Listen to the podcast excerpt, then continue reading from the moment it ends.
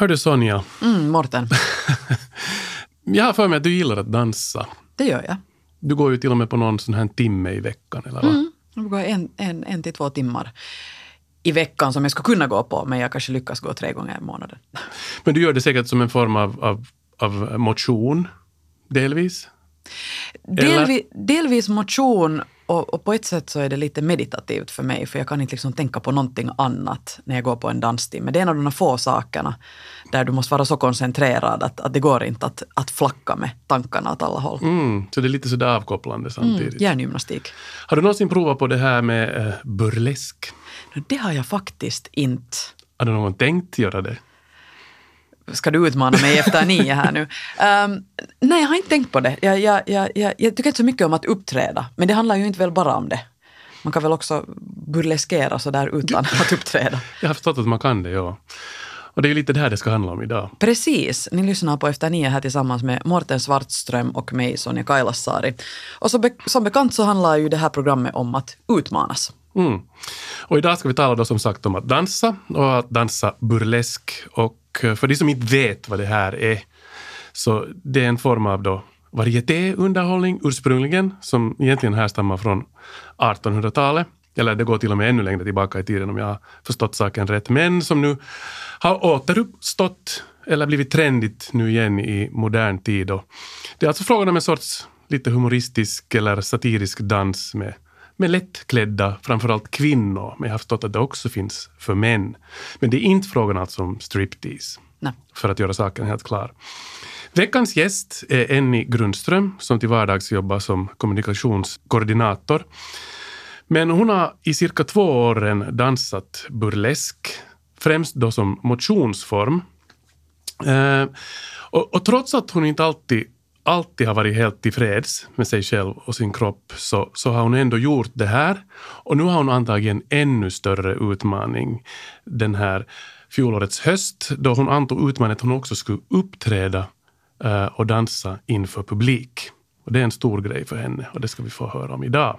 Vi hade ju Enni som gäst i vårt tv-program i höstas mm. i september tillsammans med redaktör Anne Hietanen i och med att hon medverkar i eh, podcasten Livet och kroppen mm. där, där det handlar just om ens, ens eh, förhållande till kroppen och, och, och tankar kring det mm. Längs med livet. Det här är en liten fortsättning på det för att det var ju den här burleskdansen hon också talade om, om då. Och lite senare i det här programmet så kommer vi också att få träffa Ennis mentor och lärare, coach Ulrika Baher. Hon är danslärare i just burlesk, hon är själv burleskartist och, och företagare och, och, och, har hållit på med burlesk ända sedan 2008. Mm. Men veckans gäst, vi börjar med henne, Enni Grundström. Vi ska be in henne hit. Hjärtligt välkommen till Efter nio, Enni Grundström. Tack. Före vi går närmare in på den här utmaningen som du antog, att dansa inför publik och, och, och överhuvudtaget att börja dansa burlesk, så berätta lite ditt eh, förhållande till din egen kropp. Hur, hur har det sett ut under din uppväxt och under åren?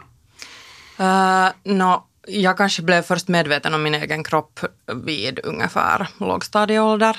Och då hade jag liksom ända fram tills dess tänkt att, nå, att allt är, jag är som alla andra och sånt. Men sen började det komma från yttre, eh, eller från tredje parter och andra personer helt klara kommentarer om att jag, jag är mycket större än, än andra barn i min ålder och att det var någonting avvikande. Och, och inte nu onormalt, men, men liksom det att jag inte fick se ut som jag gjorde.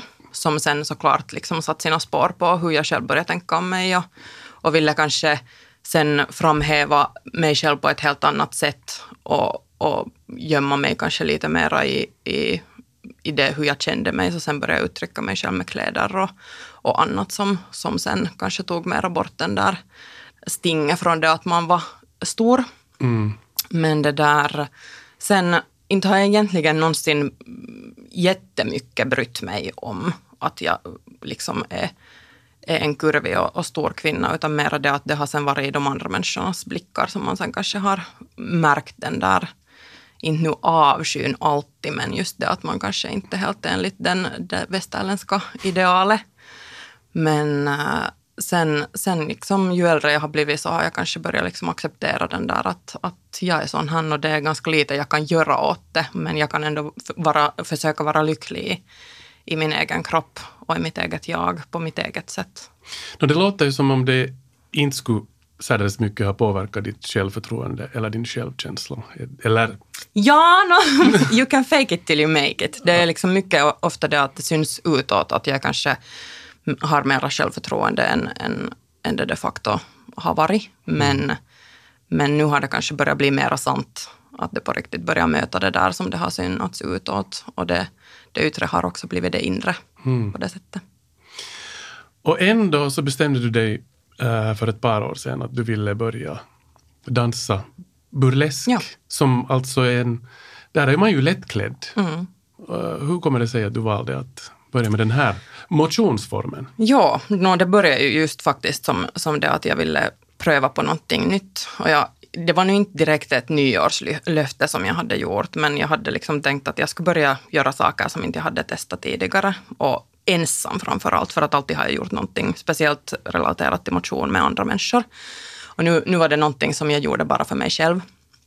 Men det, det har kanske sina rötter i det att jag ända sedan kanske gymnasietiden har varit jättefascinerad av liksom den här eh, 40-50-tals glamouren och den här klädstilen också som, som har liksom rötterna, rötterna i det. Och också Betty Page som är en legend från den tiden som har varit en, en stor förebild, fast jag har vetat jättelite om henne, men hennes liksom utseende och utstrålning har alltid varit jätteviktig. Och sen kom det bara faktiskt emot en Facebook-reklam på, på just den här burleskstudion som jag sen råkade på en sån här introkurs till som var bara en dag, eller skulle den ha varit några timmar en söndag. Och nästa dag så började jag på en nybörjarkurs där.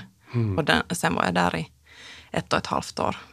Vad går burlesk ut på sådär i motionsform? No, det är ju jättemångsidigt och mycket, mycket liksom har ju såklart rötter i det hur du, hur du skulle röra dig om du skulle vara på scenen. Att det är sån här showgirl-jumpa i princip.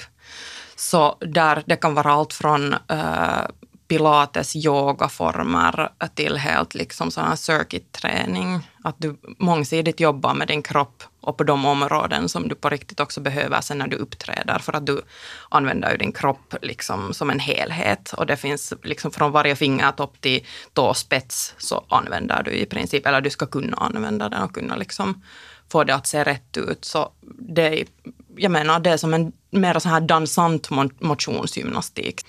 Det här med att du, att du börjar med burlesk, har det någonting att göra med ditt förflutna och att du har fått kommentarer för, för din kropp och så vidare i tidig, tidigare ålder? Har det varit någonting sånt ett ställningstagande på något sätt? Eller?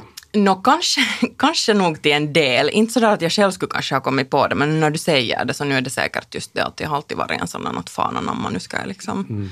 Jag ska göra allt det vad ingen tror att jag skulle kunna någonsin göra. Men sen samtidigt så var det inte heller en överraskning till exempel när jag ringde åt mamma och sa att ja, att jag, jag anmälde förresten mig på en nybörjarburleskkurs. Och sa att, Nå, att jag har nu lite också väntat när det skulle hända. Det var liksom inte en överraskning för henne för att hon känner ju ändå mig och vi har pratat mycket om, om de här sakerna. Och hon visste vad burlesk var?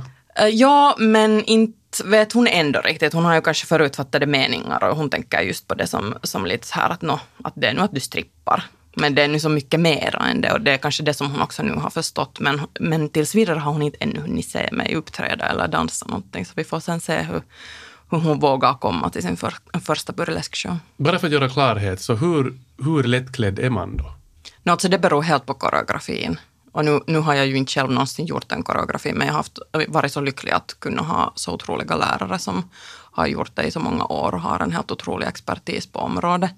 Men äh, men det där, i början har man ju oftast kläder, eller mycket kläder. Det beror på hurdan, hurdan uppsättning man vill ha, men man kan också komma helt spritt naken. Och varför skulle man inte kunna göra en helt tvärtom liksom burlesk show? Att du kommer med jättelite kläder i början och sen har du plötsligt på dig massa kläder i, i slutet. Mm. Det är ju mm. inte heller en omöjlighet.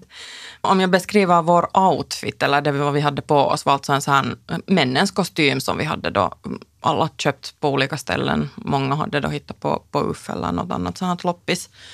Och sen, sen under den här kostymen hade vi en topp som i princip var då liksom för att täcka brösten. Och Eh, den var fast i en sån här gummiharness, eller liksom eh, gummibandsharness som, som gick runt nacken och sen uh, nerför brösten och runt, uh, runt då revbenen och ryggen. Och sen då under den här toppen och den här harnessen hade vi äh, pasties, som är alltså sådana äh, täcker bröstvårtorna och, och liksom de här bröst... Vad heter det? Vårtgården. Ja, vårtgården, precis. Det är förresten ett mycket speciellt ord. Ja, Ja. ja. Jag, ja, tycker, men- jag tycker om finska ordet nännipiha. Jag tycker det är på något vis så här vackert. Jag tänker på en så här fin vet du, grön gård med nåja, staket och allt möjligt. ja. Uh, no, men I princip så var det ju lite som att ha ett staket runt sina bröst. Eller så att det, var, det var någonting som täckte det. Och sen var det, eh, vi hade gjort den till en enkel den här ena pastin, för att vi var ju dapper lads och vi hade en, en sån här fake mustasch. Eh, så um, ena sidan av, av pastin var en monokel och den andra var helt bara en sån här hudfärgad uh, uh, fake läderbit. Och sen var däremellan en, en kedja som i princip du band den här monokeln ihop med andra sidan. Och sen hade vi en hatt och då byxor som hade knappar vid sidorna så att man kunde dra bort dem lätt. Och sen hade vi strumpor och sådana strumpgarters eller hållare som då män hade förr i tiden. Jättesnygga. Och eh, sen då var det eh, dansskor och eh, kalsonger. Och sen under kalsongerna hade vi hudfärgade strings och igen av den här svarta harnessen då som liksom lite lyfte upp och, och på något vis så här framea den här, de här stringarna. Och sen så här glitterstrassar och, och sånt som vi hade sen satt på, på både strings och topp. Just det. Låter helt sjukt eh, intressant Ja. och ro, rolig liksom, helhet vad ni har byggt upp. Ja, och det, var, det kändes nog som min Everest mest i den här processen var nog kanske att göra den här kostymen för att jag hade fått en rajvare och sålt min symaskin så jag hade inte mer än symaskin när jag skulle börja göra den här outfiten så jag fick lite ta, ta till hjälp mina kontakter och sen fixade vi det. Okej. Du har ju fört lite dagbok också under den här, speciellt nu här närmare det här publikuppträdande du har kommit. Och, och vad heter det, jag tänkte vi skulle lyssna på ett klipp där du lite försöker äh, sätta ord på dina känslor och dina tankar över ditt dansande och över hela den här perioden som du har hållit på med det här och äh, hur det känns att hålla på med det här helt enkelt. Nu har jag just badat bastu. Riktigt haft en sån här rengöringsritual före morgondagens första uppträdande. Och det har nog varit en jättelång och psykologisk, samtidigt också ganska helande resa på många sätt. Jag har liksom haft helt jättesvårt att tala om, om eller att beklä den här upplevelsen i ord. Och jag upplever många gånger när folk har frågat så har jag inte riktigt kunnat svara. Eller det har blivit just så här att det har varit jättesvårt att hitta de där orden för, för vad man har gått igenom och hur, hur psykologisk den här processen med, med att uppträda med burlesk faktiskt har varit. Och först i en början var det ju bara det att jag ville testa, testa en ny sak. Och sen bara blev det så att jag blev på den vägen och jag ville fortsätta, fortsätta öva och dansa och, och lära mig mer om burleskens värld. Där fick vi höra lite tankar alltså just inför äh, Mm. ditt första uppträdande. Kan du, kan du ännu lite öppna upp det här? Vad är det som gör att det känns så stort och betydelsefullt för dig? No, för det första så har jag aldrig varit en person, jag, jag, jag tycker om rampljuset på ett sätt, men jag har aldrig varit en människa som tycker om att stå på scenen och liksom helt på riktigt ha människor som tittar på enbart mig. Och där är det ju just det att när du uppträder och speciellt sen när du liksom tar av dig kläder och du verkligen liksom blottar dig själv, så det var också en jättestor sak, att du faktiskt står nästintill naken framför, framför publik.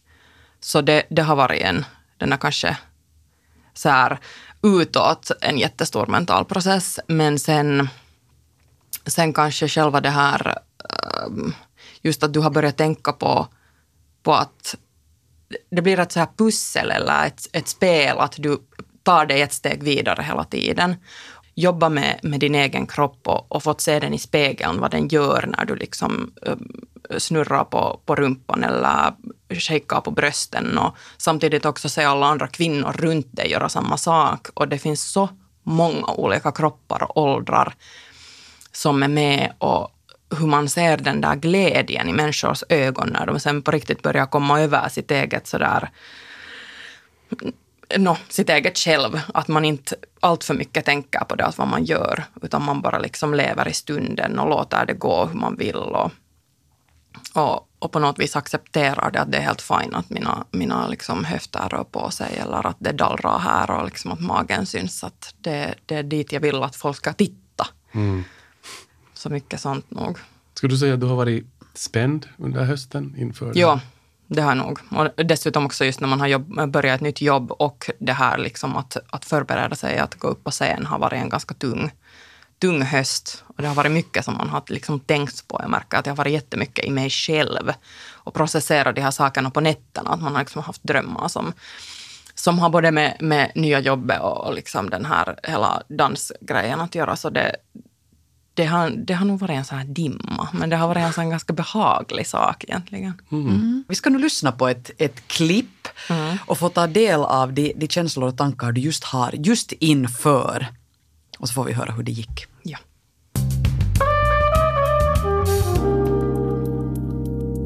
Nu har vi dragit igenom första gången eh, både med kläder och eh, ljus. Och dörrarna öppnas om fem minuter så det börjar vilja komma in människor. Och jag är skitnervös! Men samtidigt känner jag mig också jävligt lugn och konstig. Så vi får se hur det blir. Men spännande. Lite pirrigt där inför uppträdande va? Ja, det var nog jättepirrigt. Men det var kanske också just det att äh, man visste vad det kommer, samtidigt som man inte visste vad som kommer att hända. Och just det att jag väntar ju på att mina, mitt stödnätverk skulle komma dit. Och det var ju helt för de, dem också. Skulle det ha varit för typ 80 procent av, av, av mina kompisar som kom var det första gången som de såg burlesk eller var liksom med om en, en jättemycket större sån här uppsättning än bara en artist. Så det var, det var nog jätte, jättespännande. Nå, hur gick det sen? Det gick helt bra. Alltså, jag kommer inte ihåg så jättemycket av själva uppträdande. Men jag minns att jag, eh, vi har sån här, i den här koreografin så har vi då kostymer och sen en sån här eh, walking stick, en käpp. Och jag kommer ihåg att jag fällde den här käppen och då i den sekunden när jag sen lyfte upp den därifrån så var jag så här, ah, ja, no, okej, det var inte så här paha att jag mocka. Det, det bara gick på automatik att vad du skulle göra näst. Och sen när man hade övat den så många gånger så, fan, eh, så upplevde jag inte att jag någonsin skulle ha glömt vad jag håller på med.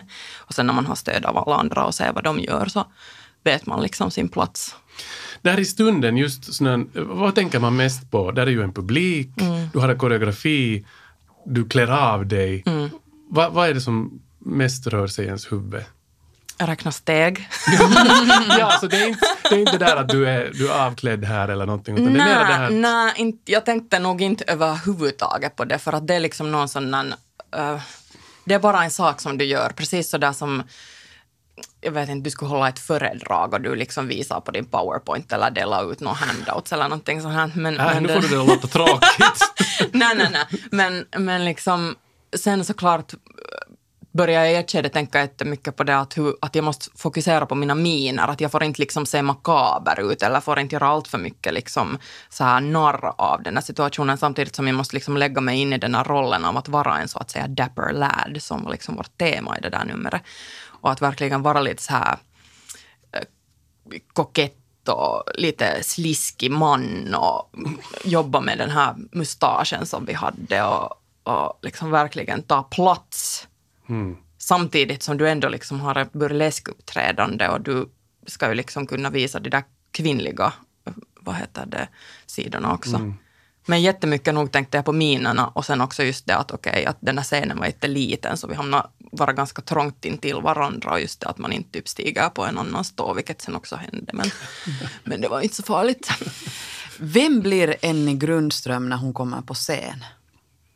Uh, jag har inte ännu hittat på ett burlesknamn eller liksom så här alter ego för min, mitt uppträdande, vilket nog säkert också kommer i något skede. Det finns hela tiden olika grejer eller namn som snurrar i huvudet, men Det betyder att du kommer att fortsätta alltså? Upp, Ja. uppträda? ja, nog, nog liksom vår grupp i varje fall. Mm. Det, inte, inte har jag några andra ambitioner tills vidare, men det där... Jag, jag blir kanske mer befriad eller liksom sådär... Inte jag riktigt mig själv. Jag är en, en annan person som är liksom en, en så här... Eh, på något vis ett kontinuum till mig själv. Och kanske någon så här min tvilling. Och sen mitt vanliga jag som är ganska så här rastlös. Så börjar jag genast bara så här att nå, vad är näst? Men det här är nog någonting som jag tänker fortsätta med ännu länge. Mm. För att det är så roligt. Och där, det, det handlar om allt det där. Det är liksom det att du gör den här kostymen som är också mycket jobb. Lär dig en koreografi och du liksom lär känna den här gruppen du dansar med och också liksom deras filisar. Så det är nog en otroligt fin väg. Tack Enni så här långt. Vi ska bjuda in din mentor och lärare här till följande, nämligen Turbo Cherry, det vill säga Ulrika Baher. Hjärtligt välkommen burleskartist Ulrika Baher. Tack. tack. Jag tänkte säga tack och hej, men då, då låter det Så hej och tack för välkomnandet. Um, vi börjar med att gå in på, på din historia. Du har alltså varit Ennis mentor och, och, och lärare här under vägen, men, men din egna burleskfärd började 2008. Vill du lite öppna kring det? Det som för, de, för de flesta människorna så är just det här kroppsliga den första kanske starka känslan som burlesk väcker, förutom förstås estetiken och det här more is more och det är glitter och glamour, självironi och fantastiskt och allt det här. Men, men den där känslan av att, att se just olika kroppar på scen var det största för mig då. Nu när jag har gjort det här i, i 12 år så så tycker jag själv att, att varför ska man alltid ta upp det där först, att det är en så naturlig del så jag inte ens tänker mm. på det mer. För det är inte huvudsaken, är inte kropp, kropp, kropp i burlesk, även om fokus är på kroppen på scen och även om det just är det här jättemångsidiga kroppsformerna på scen. Men huvudsaken är ju i själva showen och vad man gör och det är liksom bara en helt naturlig del av den, naturlig grund att, att du kan se ut hur som helst. Då så var vi några andra som också var intresserade av det och, och det liksom bubblade runt om landet och, och de som, av oss som då började då för 12 år sedan så satt sen ihop egna ensembler och sånt. Och, och vi började helt enkelt då från noll bara att göra göra nummer och shows och det fanns ett intresse för det. Så vi blev faktiskt bokade till en show före vi någonsin ens hade stått på scen. Och, och sen började då, det började ordnas evenemang, dels då sådana som artisterna själva ordnade. Och, och sen fick man då också bokningar på restauranger och sånt. Och man har ju lärt sig jättemycket under vägen och sen har jag ju själv då tagit mera reda på burleskens historia som ett absolut måste. Att för att, för att liksom kunna göra burlesk, då den burlesken som baserar sig på på den liksom historiska burlesken, att varifrån det har kommit och varför man gör saker på vissa sätt, så måste känna till historien och, och veta då liksom, just det här som ni nämnde tidigare, att det är från under 1800-talet i den formen som man gör det nu som burlesken har fötts. Och um, den här så kallade guld, guldtiden som sen var på 20, 30, 40-talen och sen har den lite dött ut på 50, 60-talen för det kom liksom annan, ska säga, annan underhållning för vuxna. Det var inte mer då så, så sensationellt då. För att nu förenklar det jättemycket och sen så på 90-talet i Amerika så har burlesken börjat vakna upp igen. Så du menar att jag har gjort min research helt eh, korrekt här? Ja, du har gjort helt korrekt. Jag, Förutom, Ja, jag ska- du, du var lite skeptisk till någonting här. Jo, alltså det här är också intressant om man skulle kunna tala om det här i flera timmar, så jag ska försöka inte göra det för mycket, men men, men när man talar om, om att, alltså, att liksom burlesk inte är striptease, så det är inte sant. Striptease kanske har, det beror på liksom hur du säger det ordet, för jag vet att det finns en jättenegativ klang kring det, och det här kan vi ju tala om, liksom, sociala strukturer, hur man förhåller sig liksom, till kvinnor och kvinnor på scen, och att, att, att liksom, man ofta säger strippare som ett skällsord. Uh, själva stripteasen har ju fötts ur burlesken. Och burlesk använder kreativ striptease, men för att förenkla det jättemycket så brukar jag säga att um, i burleskens striptease så är inte den huvudsakliga uppgiften att upphetsa utan det att underhålla. Och sen kanske en sån här självironi som, eh, som kanske saknas då från mer de här liksom strippklubbarnas shower, för att nu igen då förenkla det. Så självironi och sånt, hur man förhåller sig till sig själv. Och sen är det ju också det att, att burleskartisten har makten på scen, att man gör det i så att säga, samör med, med publiken, att du underhåller, och det är en mer lättare känsla på det så att säga. Men, men burlesk så använder ju sig definitivt just av att strip and tease. Men då poängterar vi det här liksom tease, att det det där, du talar om hur det var Enni att vara första gången på scen. Mm. Du talar inte så jättemycket om det där, vad som kanske hjälpte dig, jag vet inte, men, men det här alltså den här publik, den direkta publikresponsen. På en burlesk show som var publiken vet vad de ska göra och har kommit för att se, se just burlesk så är den jättehögljudd och de tjoar och chimmar det där Klappar, för, klappar och, skriker. och, och skriker. Det räcker med att du går upp på scen så är folk wow! Och, liksom Ja. det, och det är ju det som när jag till exempel hostar så, så upp, uppviglar vi publiken och liksom att de färdigt är ju liksom i extas före ni går upp på scen. Ja. Så det, jag vet hur det gäller för en själv men särskilt för många andra elever eller som första gången går upp på scenen så att wow, att det liksom hjälper när, Mm. när, de, när man får det där otroliga stödet av publiken. Ja, det är helt sant och det var på något vis roligt att sen höra också, visserligen så en del människors röster kände man ju igen som, Ja. som liksom ropade och klappade och, och hade sig, men sen just det också att sen när man tittar, eller det som man nu försöker lite titta på publiken fast man är jättenervös, så, så liksom eh, hur, hur du ser hur alla klappar och helt så här, också den, den, den låten som, som ni valde, för Ja. vår koreografi är ju ganska så här igenkännbar och har liksom en viss status kanske. Så det, den var också en sån sak som, som fick människor lite så här uppampade. Och det blev helt, helt euforiskt nog sen helt från början. Vilken låt var det? Det är sexy and I know it. Ja. Någonting som Och de flesta inåldrar har dansat till på bar. Ja, och vi, det där, när vi, du är alltså med då i, i den här vår så att säga performing student troupe, Ja. att vi har ju sådana veckotimmar och kurser som är för sådana som inte vill gå upp på scen. Vanligen så vill folk alltid göra det i något skede och där får man själv välja om man vill vara med och uppträda eller inte sen i slutet på terminen. Men den grupp som då du än är med i så är sån som ni vet från första början och ni vill komma med i den för att ni vill Japp. gå upp på scen och då försöker vi också ha lite mer, oftare gigs till er, att, att ni uppträder på våra andra evenemang och sådär och inte bara liksom de här jul och vårfesterna. Men um, vi har haft ena gruppen i, i, nu det här är åttonde året och den, och den som du är med i är sjunde året som, som vi har den, så vi har gjort tiotals nummer. Och det där, då, då vet vi ibland liksom att nu gör vi en riktig crowd pleaser. det där, och sen försöker vi, ni var ju nu liksom sådana här då, brittiska gentlemen och ja. dapper lads som är liksom ganska ironiskt, alltså det är ju liksom riktigt idiotiskt att ha någon sån här lös mustasch som du tar bort från under näsan och sätter på bröstet och det är liksom, vi leker ju med den där klassiska bilden av burlesk och sen gör det till någonting helt annat. Men, men just i det här numret så, så jag visste precis på vilka ställen folk kommer att skrika mest. Och det där, och jag, visste att den där låten den kommer ju få folk att Wah! och det där. Så Brittiska det. gentlemen möter liksom vadå 2010-talets så här party Japp. visi. Ja. Men Ulrika, alltså, bara helt för att klargöra så, så det är, du sa veckovisa, man, det är helt eh, en gång i veckan man träffas och övar och, och så vidare och du coachar. Jo, jag har alltså tillsammans med min, min kollega Tinkerbell, eller Ruska Schönberg, så har vi då en burleskskola. Och nu är det inte som att det skulle finnas sådär massor med burleskskolor, att, att som sån form är vi den enda i Finland.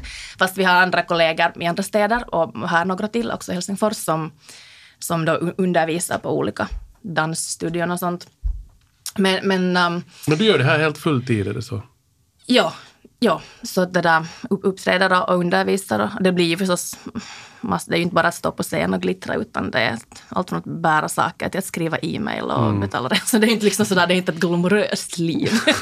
men, men, men, men burlesk är mycket också med illusion så. Och den här kanske glamorösa delen, det kan också vara dramatiskt och komiskt att få använda sådana sidor av sig själv eller bara röra på sig på ett annat sätt. Och det som är jätteviktigt just för många som har burlesk som hobby och inte, inte ska upp på scenen och uppträda med det, är ju den här kroppsliga biten. Att få använda sin kropp på ett nytt sätt och kanske se sig själv i nya vinklar och liksom få njuta av sig själv och sin egen kropp. Att det är sånt som inte är liksom helt självklart.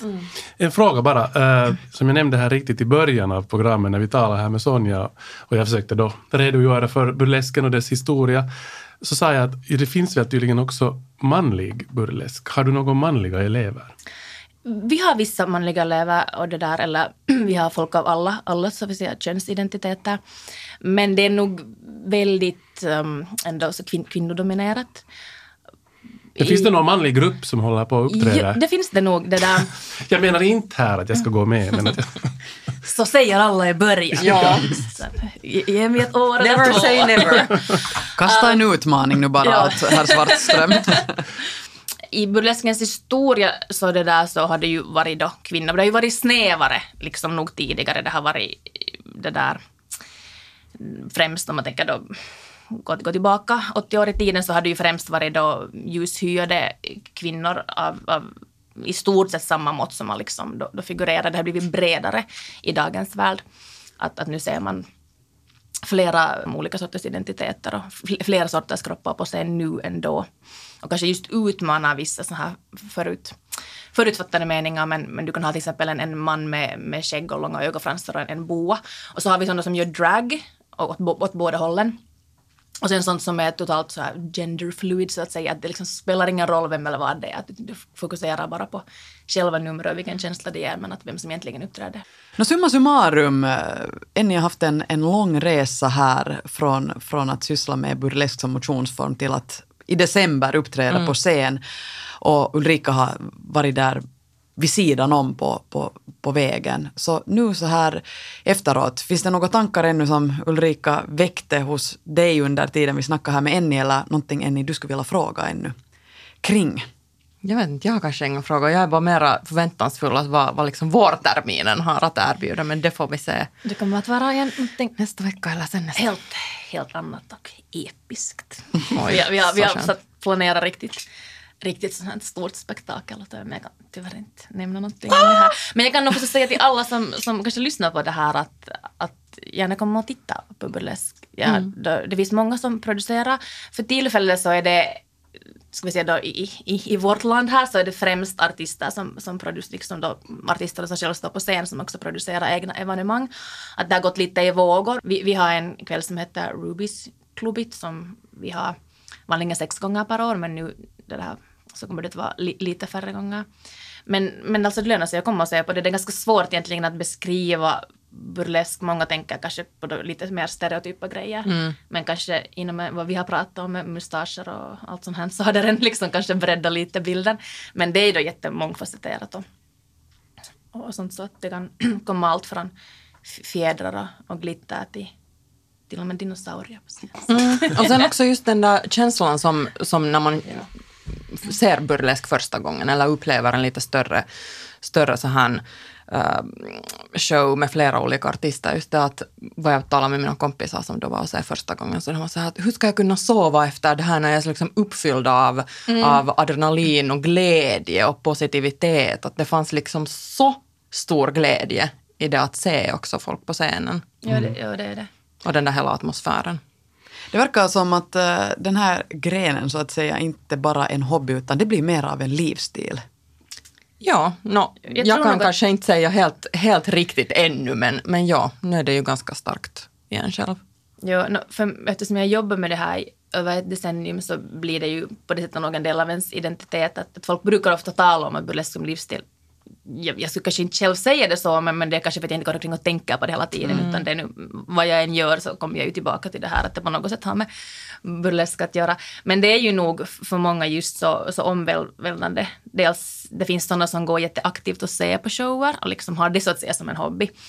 Också att, att de är sådana här burleskentusiaster och mm. följer de många artister på social media och, och sånt. Och sen finns det då de som som går på veckotimmar och, och, kanske också går på shower eller hoppeligen också går på shower för att se den sidan. Som, och då blir det också ganska starkt. Och sen, det är väl den där känslan just mm. att det är så pass kanske annorlunda än, än, än så mycket annat i vardagen. Mm. Sonja, har du någonsin gått och sett en burlesk show? Nej, jag har aldrig sett den. Jag har faktiskt inte heller. Nåja, Men nu, nu efter det här, nu har jag blivit så pass intresserad ja. att nu jag skulle också vilja se en. Får, kanske vi kommer på kanske nästa. Vi, kanske vi kommer på Ennis nästa show. eller Ulrikas. Ja, eller Ulrikas. jag tror att hon är först. Gud vad häftigt. Men ja, vi ska ja, komma på, på, på, en, på en kväll. Ja, absolut. Tack Ulrika Baher, tack Enni Grundström för ett medverkande i Efter nio. Ja, tack, ni har tack. lyssnat på Efter tack. nio här tillsammans med Sonja Kailasari med mig Morten Svartström och vi är som vanligt tillbaka nästa vecka med nya utmaningar och nya gäster. Vi hörs.